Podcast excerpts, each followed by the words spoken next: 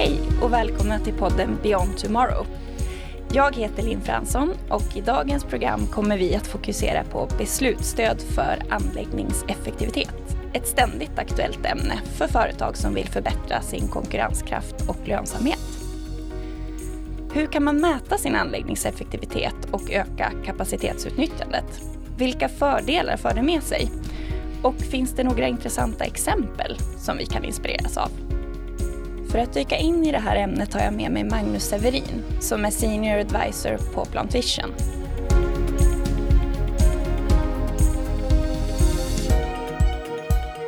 Varmt välkommen Magnus.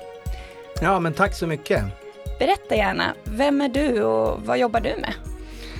Ja, eh, Magnus Severin heter jag och jag har varit med sedan eh, Plantvision startades. Så idag så arbetar jag med tillsammans med eh, befintliga och nya kunder och hjälpa dem att implementera verksamhets och beslutsstöd i deras produktion. Härligt! Jättekul att ha dig här idag. Eh, det här med att förbättra anläggningseffektiviteten och öka kapacitetsutnyttjandet i sin produktionsanläggning, det är ett prioriterat område för många tillverkande företag idag. Kan inte du berätta Magnus, vad är det mer för vinster man kan uppnå? Ja, som sagt, i, i grunden handlar det ju att oavsett vad man producerar för någonting så är det ju att, att eh, man vill kunna per tidsenhet producera fler enheter eller fler ton eller fler liter för att på så sätt kunna påverka sin, sin, sin eh, lönsamhet eh, positivt. Eh, kan man göra det så har man ju också, skapar man ju sig ofta en större flexibilitet att, att kunna hantera ledtider, minska ledtider och på så sätt öka flexibiliteten att få bättre leveransprecision till sina kunder och, och i slutändan nöjdare kunder. Eh, idag så har är det ju andra områden som, som eh, gör att det här blir viktigt också. Och det är att, att kan vi kan vi få ett bättre kapacitetsutnyttjande, nyttja vår produktionsutrustning bättre så indirekt så kommer ju det påverka också hur, hur vi, vår energiförbrukning och vi har en stor potential att eh, effektivisera vår energi också, hur vi, hur vi förbrukar den. Vilket i sin tur också kommer bidra till bättre lönsamhet och i slutändan så kan vi producera mer energieffektivt så kommer det också påverka hur hållbart vi producerar. Eh, som sagt, det, det är några några exempel på värden som, som vi, vi är ute och skapar tillsammans med våra kunder eh, runt om i, i, i Sverige och i Norden. Ja, men det här är ju riktigt intressant och som du säger relevant för många företag där ute.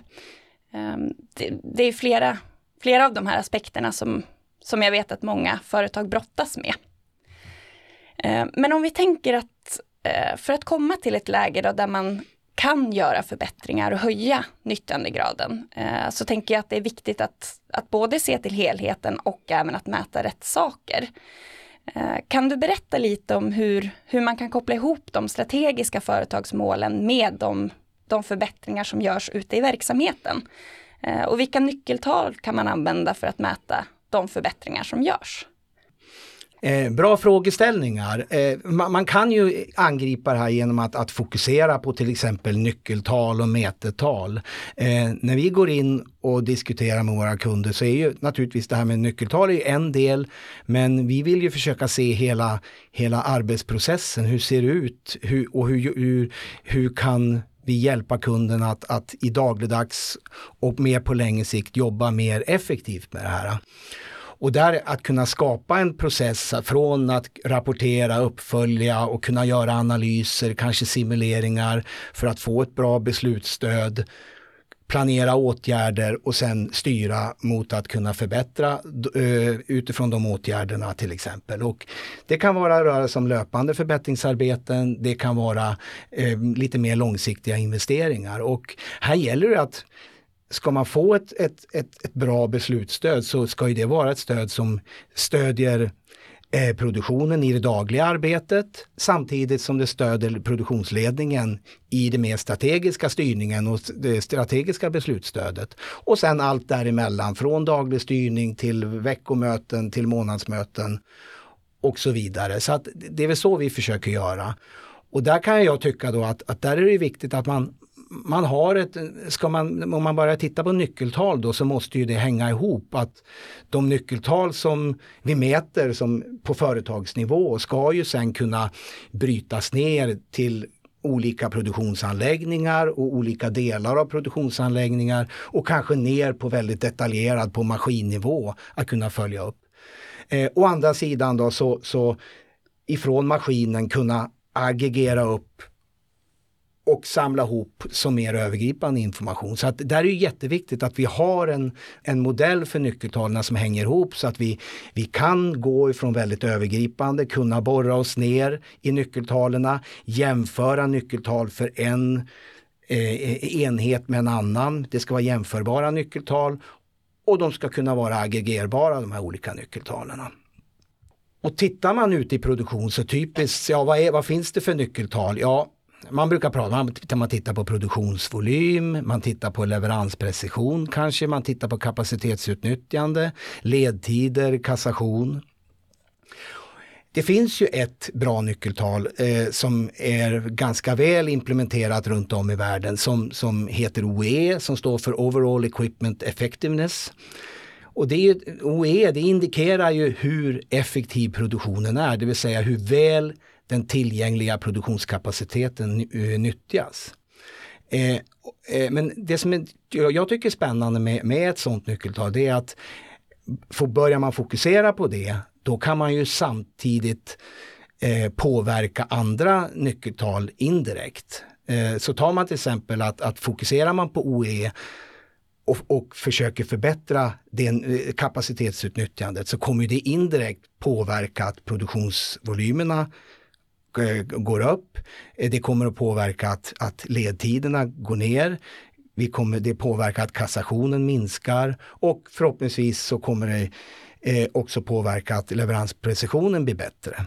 Så att eh, just OE är ett spännande nyckeltal som, som är ganska användbart. Eh, i, i, I, Sverige så har vi översatt OE till, till tak, där pratar vi om tak. Men det är ju samma egentligen nyckeltal. Och, men men det, det, det är bra med det svenska begreppet är ju att det beskriver ganska väl vad, vad OE står för. Och det är egentligen att det är ju vilken tillgänglighet man har i sin produktionsanläggning och vilket när, när väl tillgängligheten finns där, hur väl nyttjar vi den eh, anläggningstillgängligheten eh, och hur mycket varor får vi ut ifrån produktionen, det vill säga vad, vad har vi för kvalitet i det hela. Och Tittar man då på, på OE eller tak, vad, vad, är de vanligaste förlusterna som vi mäter? Ja, då är det då som tillgänglighetsförluster. Det är ju det att maskinen, om, om, den, om det finns något fel på den om det, eller om den är tillgänglig. Det, och det är det vanliga, att, att man, en vanlig tillgänglighetsförlust är ju att man har fel på en utrustning så att den inte startar. En annan vanlig förlust är att maskinen är tillgänglig men, men det är inget fel på den, den är tillgänglig men den kan inte starta för den väntar på en yttre omständighet som måste bli löst. Men får man igång produktionen så har man ju då anläggningskapacitet och anläggningsutnyttjandet som, som är nästa del som man, som man mäter. Och då, vad, vad är de vanligaste förluster i anläggningsutnyttjande? Ja, det är småstopp och störningar under produktionen. Som det, det händer saker som man måste in och kanske justera eller, eller förändra någonting. Eller så har man en, en pågående störning i, i, en process eller någonting som gör att man kan inte köra på max hastighet utan man är tvungen att köra på reducerad hastighet. Eh, och tittar man på kvalitetsaspekten av OE-talet eller taktalet så är det ju då att ja, de vanligaste förluster man har där det är att man kan inte eh, använda alla varor eller produkter man, man producerar. Man, för man får kassera dem eller ibland så kan man, eh, behöver man inte kassera dem men man behöver på något sätt göra någon omarbetning innan man kan, kan eh, skicka dem vidare och det är ju också en förlust, det är en tidsförlust och, eh, eh, för att göra den omarbetningen. Så det är väl, det är väl de här äh, olika aspekterna som, som kan vara viktiga att och, och, och ha med sig när man, när man tittar på, på hur, när man börjar titta på hur, vad man ska angripa för problem så att säga när man, med de här systemen. Ja, det är en hel del ja, men olika mätetal och, och förluster som man kan, kan mäta, förstår jag ju. Eh, men hur ser det ut i olika branscher? Är det skillnad i olika typer av produktioner kring vilka förluster man har och därigenom också vilka förluster man ja, men kan mäta och kan, kan jobba på att förbättra? Så är det ju. Vi jobbar ju med ganska många typer av eh, eh, branscher eller industrier och eh, jag kan väl ge några exempel att, att om man tar en kontinuerlig processindustri, till exempel en basindustri. De är ju kända för att ha en väldigt hög tillgänglighet. De är ju jätteduktiga på tillgänglighet. Eh, en större processindustri har ju typiskt ett, ett underhållsstopp var, en gång per år eller kanske till och med vartannat år. Och mellan de underhållsstoppen så, så då, då kör man eh, anläggningen. Vilket gör att man har väldigt man är väldigt duktig på tillgänglighet, man har väldigt hög tillgänglighet på, på eh, sina anläggningar. Eh, inom den typen av processindustri så är det mer kanske fokus på att på eh, eh på anläggningsutnyttjande och, och kvalitetsaspekterna av, av OE-talet. För där är det ofta så, eh, produktionsanläggningen går men, men utmaningen är hur får vi produktionsanläggningen att gå med, mot de eh, produktionsmål som vi har varje dygn till exempel. Att vi, vi kanske har ett produktionsmål på 80 ton för det här dygnet men man når inte upp till dem för man har förluster i, ja, hastighetsförluster i produktion. Det är ju en vanlig för processindustrin. Och sen naturligtvis så är det ofta vanligt med att man får kassera eller klassa om produkter. Att, att man får kassera för det blir en dålig produkt. Eh, eller att man kanske får klassa ner den. Man, man, den produkten man får ut är säljbar men man kanske får klassa ner den till en, till en lägre kvalitet som man får ut mindre pengar av. Så det är också en, en vanlig förlust inom processindustrin. Tittar vi på, om, som vi brukar nämna, diskret tillverkning, det vill säga det kan vara verkstadsindustri, komponentproduktion och så vidare. Där är det ofta lite grann åt andra hållet, där kanske man har mer utmaningar med eh, tillgängligheten på maskinerna. Man, man har maskinfel eh, eh, så att det är underhållsinsatser eller att man får igång maskinerna men, men man kör inte maskinerna för de står och väntar på någonting annat som måste hända. Det saknas råmaterial eller det saknas operatörer eller vad det nu månde vara för någonting. Så att man, eh, man, har, man når inte upp eh, full tillgänglighet på maskinerna. Men när man väl eh, kör maskinerna så eh, är det också mycket fokus på, på anläggningsutnyttjande, att man har kanske småstörningar, småstopp, eh, man måste stanna, justera någonting och, och köra. Medan när det väl går så ofta så, så har man ganska lite kassation. Man, utan det brukar vara eh, tillgänglighet och anläggningsutnyttjande som är, är de viktiga. Och sen går man in i, om man sa processindustri batch som ett tredje exempel, då, där är det väl egentligen att eh, en batchindustri är ofta så att det, det blir, man har förluster i omställningar mellan batcher, det, det ska renas, tvättas kanske eh, mellan man kör olika batcher och man har också eh, eh väntetider som man har förluster i.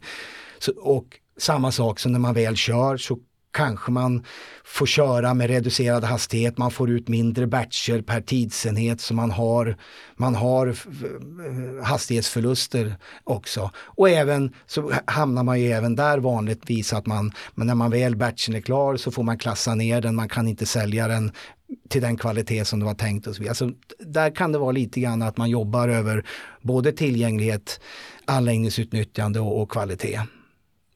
Men det är jätteintressant att det finns både, både likheter och skillnader. Mm. Uh, och jag tänker att det är ju ännu ett skäl till att det är så viktigt att ta hänsyn till den egna verksamheten så att man verkligen fokuserar på, på att mäta rätt saker.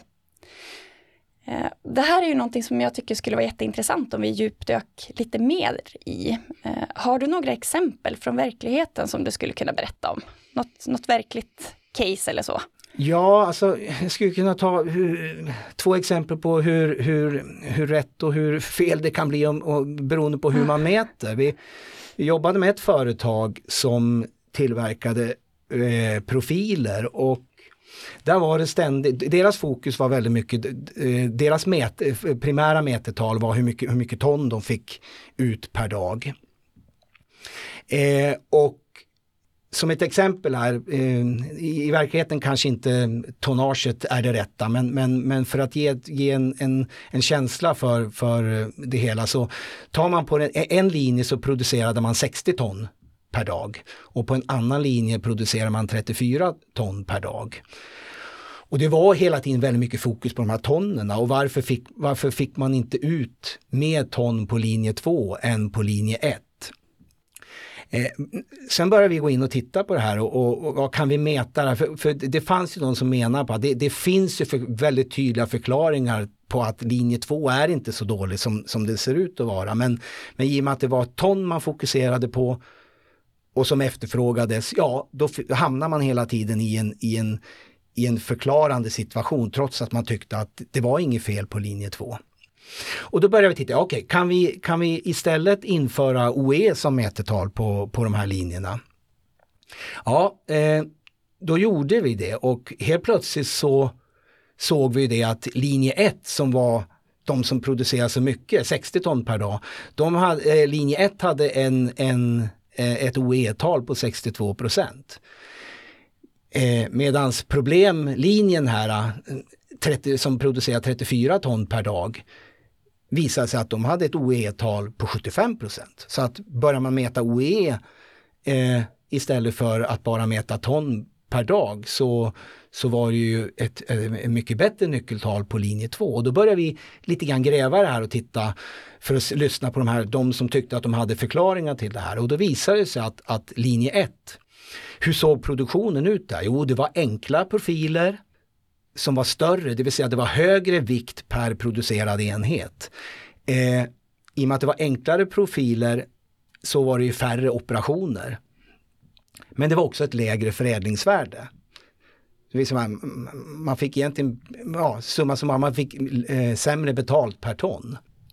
Eh, tittade vi och andra, istället då på linje 2 så, så visade det sig att ja, eh, eh anledningen att eh, det vi, vi inte fick ut mer än tonnage per dag var ju att när vi tittade på produktion så var det ju mer komplicerade profiler.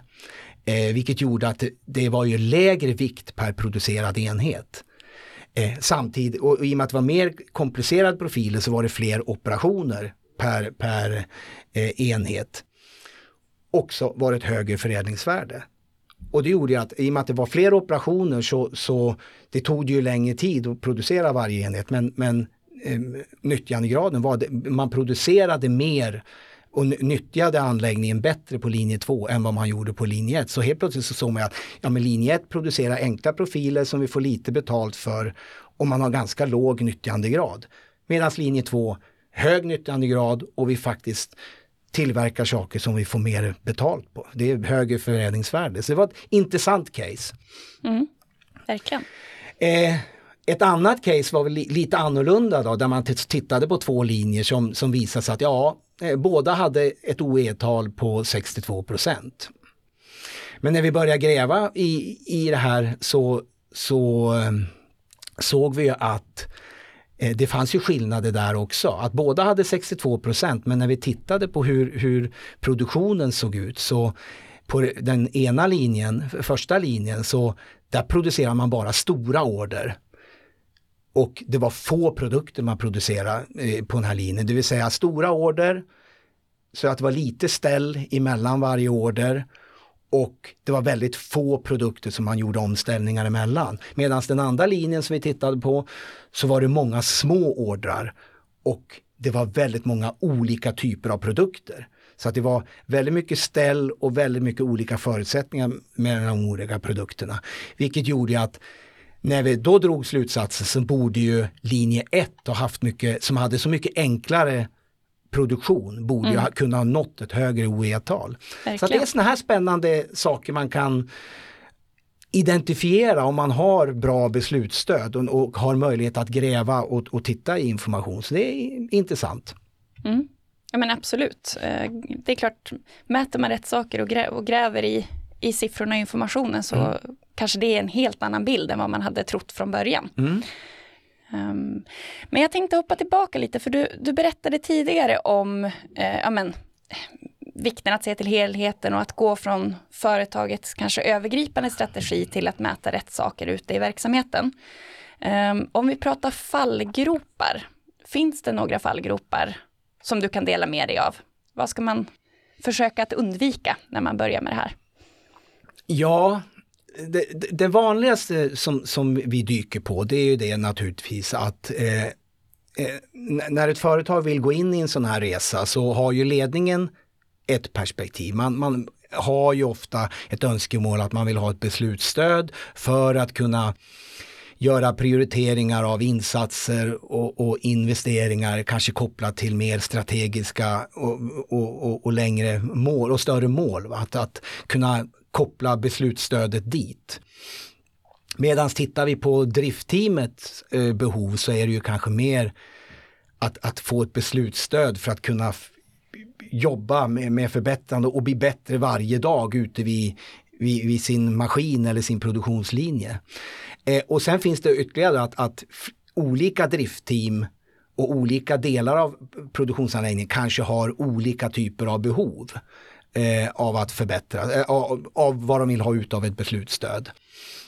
Och som sagt att där är det ju att ledningen vill ofta koka ner det till nyckeltal, man vill ha, man vill ha nyckeltal, eh, mer eh, aggregerad information.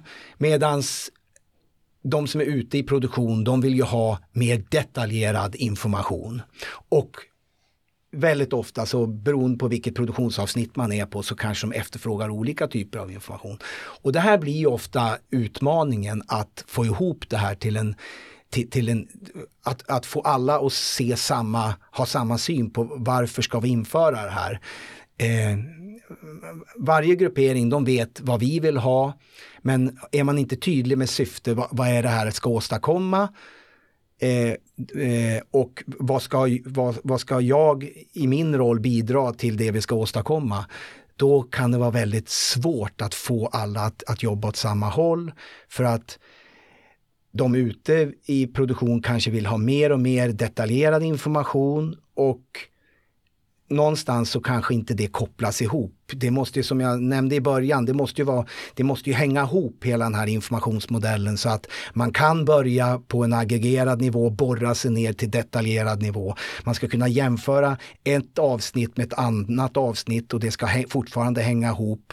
Och man ska kunna ta den här detaljerade informationen ifrån olika avsnitt och kunna aggregera upp den och det ska fortfarande hänga ihop. Och det är ofta här man går fel, att att det blir någonstans så blir det ryggradsbrott i, i, i informationshanteringen. Så att, att, att räkna på sam, beräk, göras, när man räknar nyckeltal, beräkna på samma sätt över, överallt. Det, det, det är de här sakerna som är viktiga. Samtidigt som att å ena sidan får vi inte bli för generella, det vill säga bara enkla nyckeltal för då hjälper inte det personerna ute i produktion och då är det risk att vi, vi får informationen blir inte tillräckligt bra för att vi ska få de här övergripande nyckeltalen. Utan det måste finnas, och vi får inte bli för detaljerade för då är det risk att vi går bort oss i, i informationen, att vi, vi får för mycket information så att vi kan inte dra slutsatser där heller. Så att det måste vara balans mellan, mellan mellan, eh, inte bli för generella men inte bli för detaljerade utan vi måste mäta med rätt noggrannhet. Men och få hålla ihop informationsmodellen på något sätt. Och den här mätningen, just att den sker med, med rätt noggrannhet och sådär och, och liksom att, att ja, ha det klart för sig vad, vad som är viktigt just för sig själv att mäta förstår jag är väldigt viktigt. Eh, men sen så pratar vi ju, vet jag väldigt ofta också om vikten av att samla in data och information eh, för att lära känna sin process, sin anläggning och hela verksamheten. Eh, men om vi kollar rent praktiskt, hur kan man göra då för att, för att komma igång och samla in information om just sin, sin anläggning? Hur, hur fångar man datat så att säga? Mm. som sagt, historiskt sett och, och, när man började mäta OE och tak och, och så många gör idag så är det ju fortfarande att man, man gör, det är manuell registrering. Man, man registrerar in starttid för ett stopp och sen vad, vad, vad det är för stopporsak och sen så registrerar man in när stoppet var åtgärdat. Att göra det helt manuellt. Eh, när vi går in och jobbar så, så det finns säkert tillfällen där man inte kan komma ifrån manuell registrering. Men vi tycker att åtminstone att stoppen ska registreras automatiskt. Så att när vi går in och jobbar tillsammans med, med våra kunder så, så då vill ju vi koppla upp maskiner och utrustningar ute i produktionsanläggningen.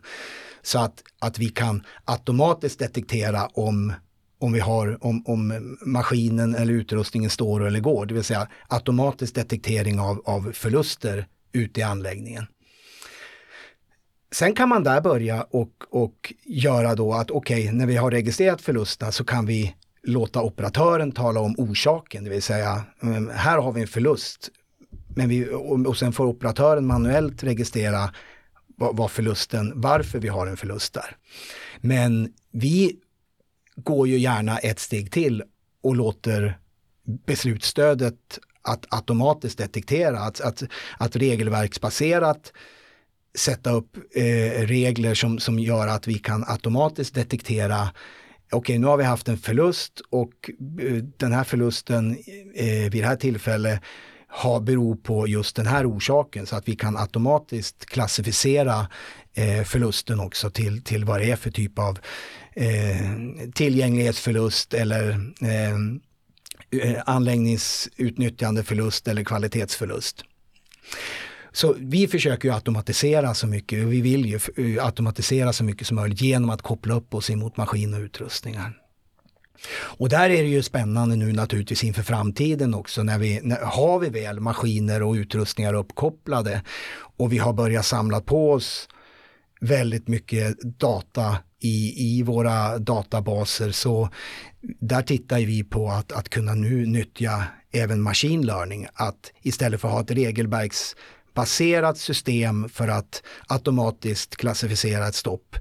Att istället nyttja machine learning, att, att lära sig av historisk inmatning och registrering och att hela tiden eh, identifiera förlusttyp och, och lära sig och hela tiden bli bättre genom att vi, vi, vi drar nytta av en allt, allt större mängd historiska data. Så det är ju en jättespännande framtid vi ger oss in i just nu.